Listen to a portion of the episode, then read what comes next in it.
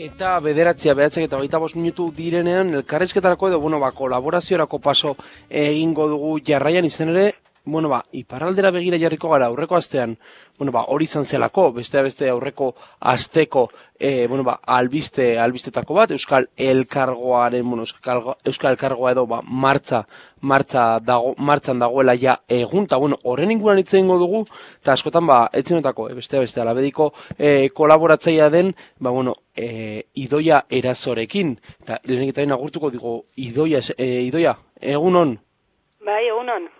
Bueno, idoia, e, ez dakite, aipatu dugu hasieran Euskal Elkargoa, asko hitz egin dugu Euskal Elkargoaren inguruan, baina lehenik eta behin.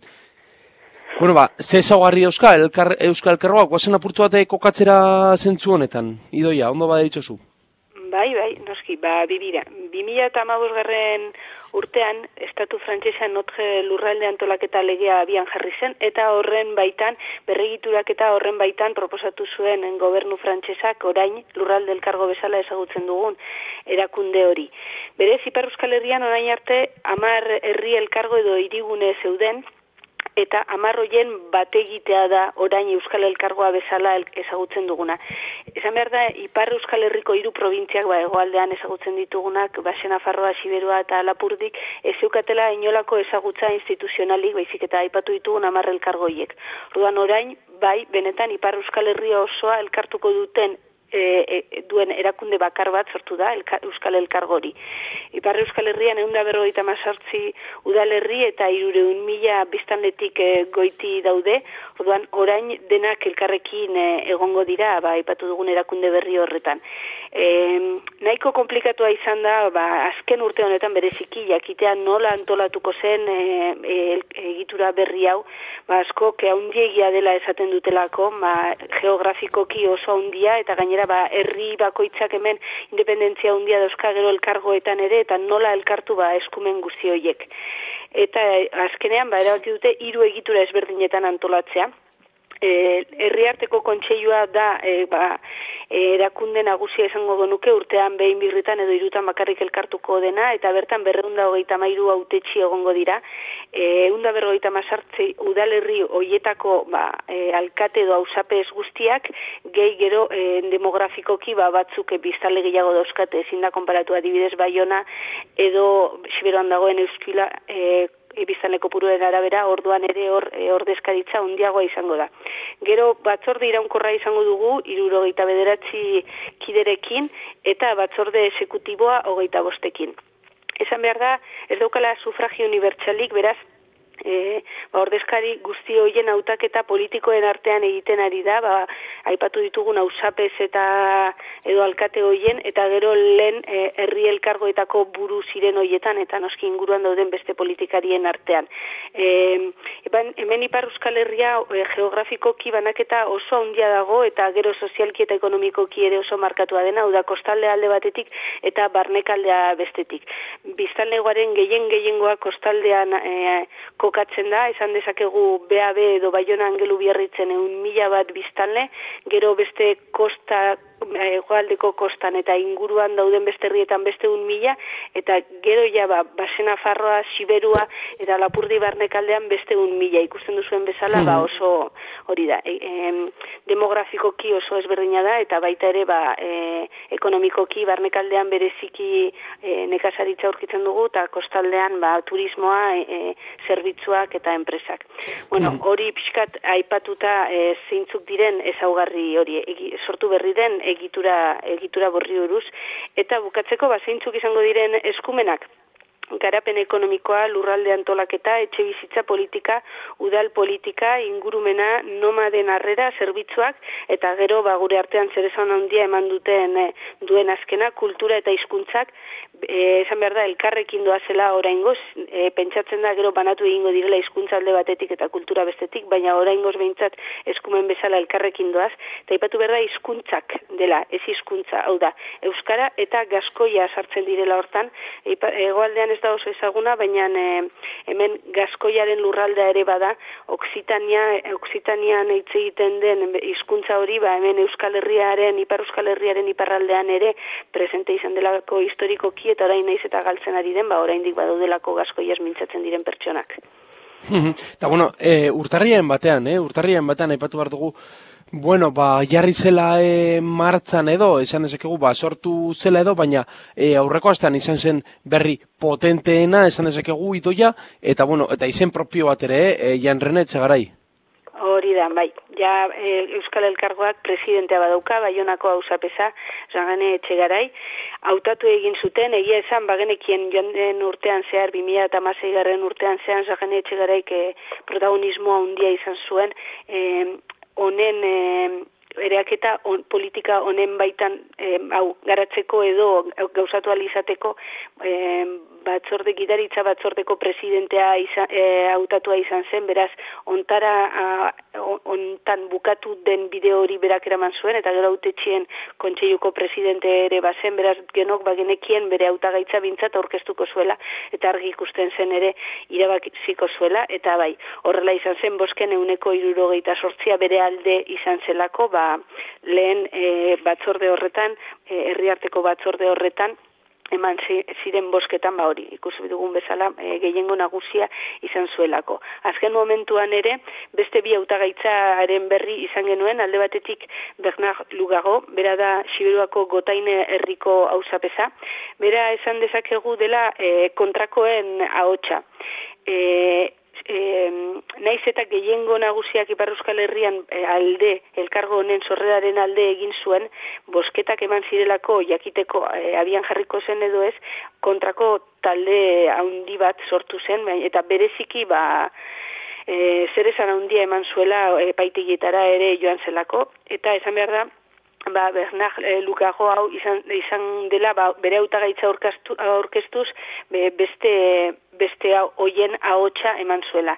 Zan behar da, ba, berreunda hogeita maika bos eman zirela, berreunda hogeita mairu diren batzordean bi pertsona ez zirelako agertu, eta berreunda hogeita maika pertsona hoietatik, berro hogeita maikak eman zioten ahotsa Bernard e, Lugago honi, beraz ikusten dugun bezala, indar oso handia ez dauka, baina ere, ba, kontra daudenek badute oraindik be, bereien, e, bereien indarra, eta gainera lukagok esan zuen, ba, kontra egiteko e, jendea bere inguruan bildu nahi duela eta orduan etxe garairen politikari aurre egiteko aurre egiteko pres dagoela.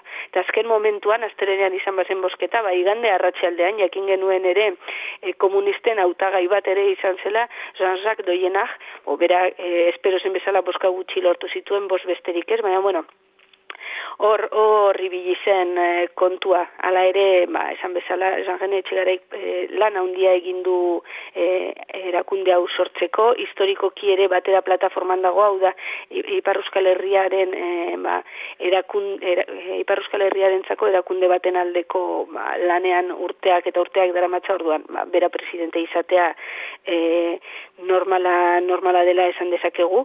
Eta aipatu nahiko nuke hori hemen gertatutakoa izan zela ba hemengo hemengo jendearen artean baina baita ere ba interesgarria iruditzen zait ego euskal herritik ibili zen etorri zen jendea aipatzea.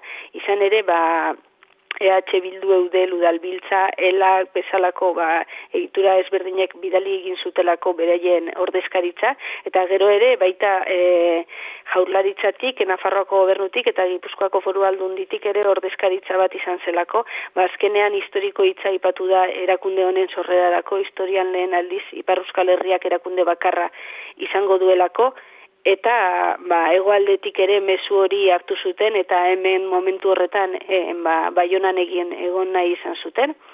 Eta zuk esan duzun bezala ba urtarriaren batean sortu baldin bazen ere ja lehenengo momentu garrantzitsua astelenean eman zen presidente horren hautaketarekin eta bueno gero hartu ziren beste erabaki teknikoagoekin ere. Ta bueno jenrene etxegara aipatu dugu ta bueno beste beste aipatzea eh Aipatzea idoia bihar, eh, urkullu, azte azkena, e, baionara joango dela, etxegarerekin biltzeko gainera?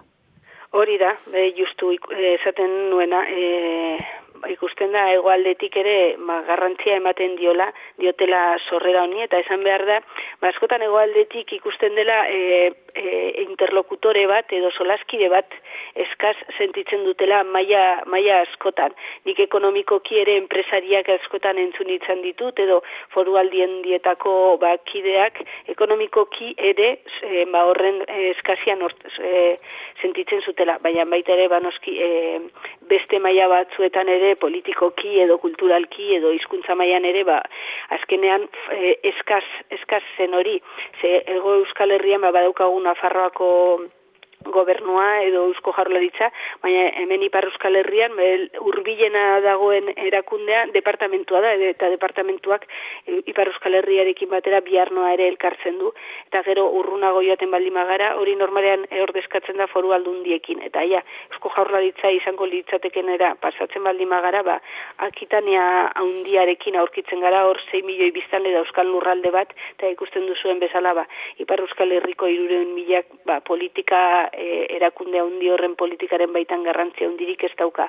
Orduan baba inigo urkullu hemen izango da bihar, e, jagene etxegara irekin biltzeko, eta azkenean besan daiteke ba, lehen aldia izango dela e, Euskal Herriko ba, bi erakundera arteko e, Ipar Euskal Herri jari dagokionez, ba, bi ordezkari bilduko hmm. direnak. Hmm. Ta larun batean gainera, idoia beste kontu bat, e, larun batean ere, bueno, ba, zer esan duen ere kontua, e, otzaiaren lauan, okeres banago, larun batean honetan, batzorde esekutiboa eta batzorde iraunkorra hautatuko dirarik, ez dakite aurrik uspeni daukagune, ba, batez ere izenen partetik eta idoia? Egia esan, e, e, politika asko dago horren barruan. Zan dizu edan bezala, Ipar Euskal Herria oso bananduta dago kostaldea eta barnekaldea deitzen zaion e, ba, bi ere hoien artean. Eta ba, kontran e, zeuden politikari hoiek hasieratik esan, esan dute ba, ordezkaritzarekin beldur zirela. Hau da, ba, barnekaldeek esaten, barnekaldekoek esaten zuten e, e, iruditzen zitzaiela kostaldeak indar gehiegi zeukala eta kostaldekoek e, gauza bere esaten zuten barnekaldeari buruz izan ere herriek herri bakoitzak badu bere ordezkaritza eta ipar euskal herrian biztanlegoa txikia baldin bada ere herri e, asko asko daude. Orduan, hasieratik joko politikoan hori izan da ba, gauza e, garrantzitsuenetako bat eta kontra egiteko erabili dena. Eta ba, larun batean egingo den e, bosketa horretarako baioko politikoak hortan ari dira hori da handi egiten. Lengo herri elkargoetako presidenteek eta beraien hautaketak proposatu dituzte, bereziki e, aipatzen du mm, batzorde exekutiboaren txat. Eta oraindik ba, gauzan dirik ez dakigu, badakiguna da hori, barne lan, barne lan handia egiten ari direla, eta ba, larun batean ikusi beharko dugu ze izen ateratzen diren.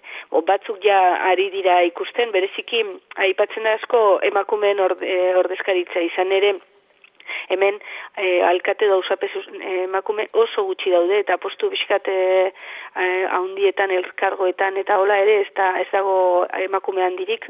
Orduan e, esekutiboan emakume gehiago sartzeko indarra ere egiten ari dira eta noski batzorde irankurran ere.